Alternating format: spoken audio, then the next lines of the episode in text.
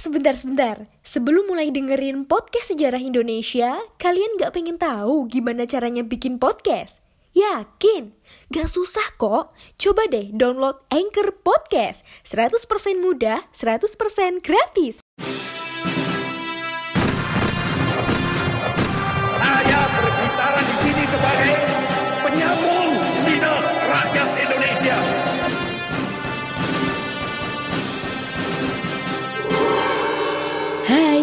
Kalian sedang mendengarkan Poseidon, podcast sejarah Indonesia. Ngomongin masa lalu dengan gaya masa kini. Assalamualaikum warahmatullahi wabarakatuh Selamat pagi, selamat siang, dan selamat sore Bagi kalian para pendengar setia Poseidon Podcast Sejarah Indonesia Podcast yang pastinya bikin kalian gagal move on Nah oke, okay, kali ini kita akan membahas atau ngobrolin Suatu kerajaan yang berada di Jawa bagian timur Nah sebelumnya saya kasih clue atau petunjuk dulu Kerajaan ini terkenal dengan rajanya yang bernama Raja Jayabaya dan yang juga terkenal dengan ramalannya yang cukup estetik dan cukup akurat pada zaman sekarang yang bernama Ramalan Jayabaya. Ya, kerajaan tersebut tidak lain tidak bukan adalah Kerajaan Kendiri. Oke, untuk selanjutnya mari kita bahas. Kerajaan Kediri atau Panjalu adalah salah satu kerajaan yang bercorak Hindu di Jawa bagian timur. Kerajaan ini tumbuh pada sekitar abad ke-11 Masehi. Kerajaan ini berdiri setelah penguasa terakhir Kerajaan Mataram kuno atau Kerajaan Medang yang bernama Raja Dharma Wangsa Airlangga membagi kekuasaannya untuk kedua anaknya.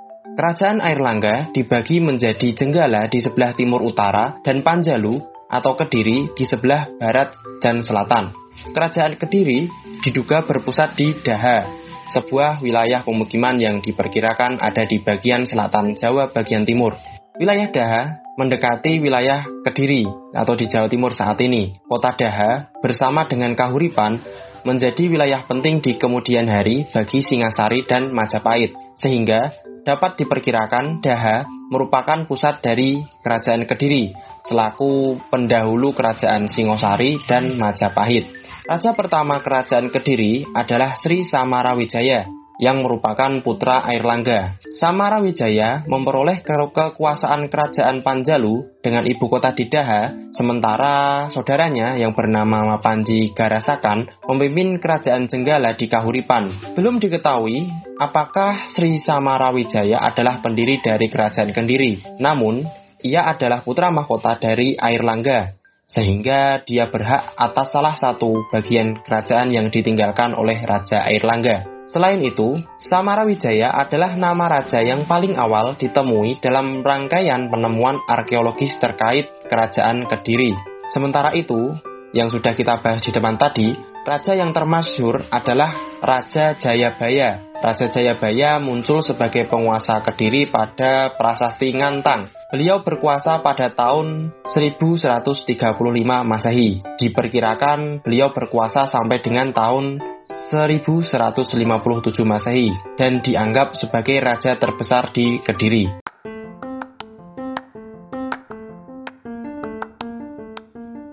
Halo Sobat Poseidon, kalian pasti sudah tidak asing lagi dengan Anchor. Yap, aplikasi penyedia jasa untuk para podcaster pemula dan juga pro. Buat kalian yang pengen mulai nge-podcast, langsung download aja Anchor di App Store ataupun di Play Store. Di sana, kalian bisa nge-podcast dengan banyak banget pilihan background musik. Setelah itu, kalian bisa mempromosikan podcast kalian ke mana pun. Secara otomatis, nanti akan di-sharekan oleh Anchor sendiri. So, tunggu apa lagi? Cus, nge-podcast bareng Anchor. Prasasti Ngantang juga menyatakan Panjalu Jayati atau Panjalu menang sebagai bentuk penghargaan atas jasa masyarakat Ngantang yang setia dalam usahanya mengalahkan kerajaan Jenggala. Raja Jayabaya berhasil menyatukan kembali Jenggala dan Panjalu di bawah naungan Kediri. Kerajaan Kediri runtuh pada masa Raja Kertajaya yang merupakan raja terakhir kerajaan Kediri.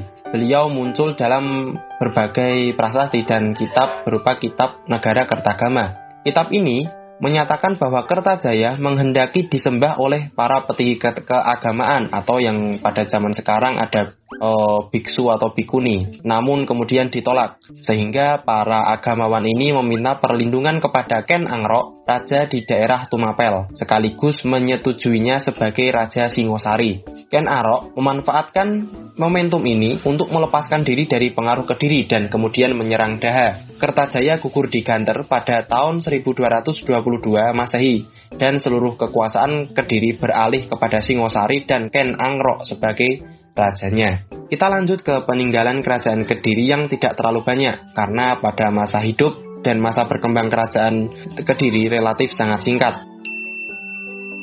Contoh-contoh Candi peninggalan kerajaan Kediri yaitu Candi Gurah, Candi Tondo Wongso, dan Pertirtaan Kepung. Candi Gurah memiliki arca Brahma, Surya, Chandra, dan Nandi. Candi ini merupakan lokasi pemujaan Dewa Siwa. Sementara Candi Tondo Wongso memiliki 14 buah arca yang kurang lebih sama dengan Candi Gurah. Selanjutnya dalam bidang kesusastraan. Masa Kediri dianggap sebagai zaman keemasan Jawa kuno di bidang kesusastraan. Beberapa kekawin atau kitab diciptakan pada zaman ini. Kitab yang muncul di kemudian hari seperti Negara Kertagama juga mencantumkan beberapa informasi mengenai kerajaan Kediri. Selain kitab Negara Kertagama, ada pula kitab Barata Yuda oleh Empu Sedah dan Empu Panuluh. Kemudian kitab Hariwangsa yang dikarang oleh Empu Panuluh, kitab Gatot Kaca Seraya, kitab Semaradana yang dikarang oleh Empu Dharma Aja, kitab Suman Santaka oleh Pumonaguna, dan yang terakhir ada kitab Kresnaya oleh Empu Triguna. Sementara itu, kerajaan Kediri meninggalkan cukup banyak prasasti yang memunculkan banyak nama-nama raja yang berkuasa.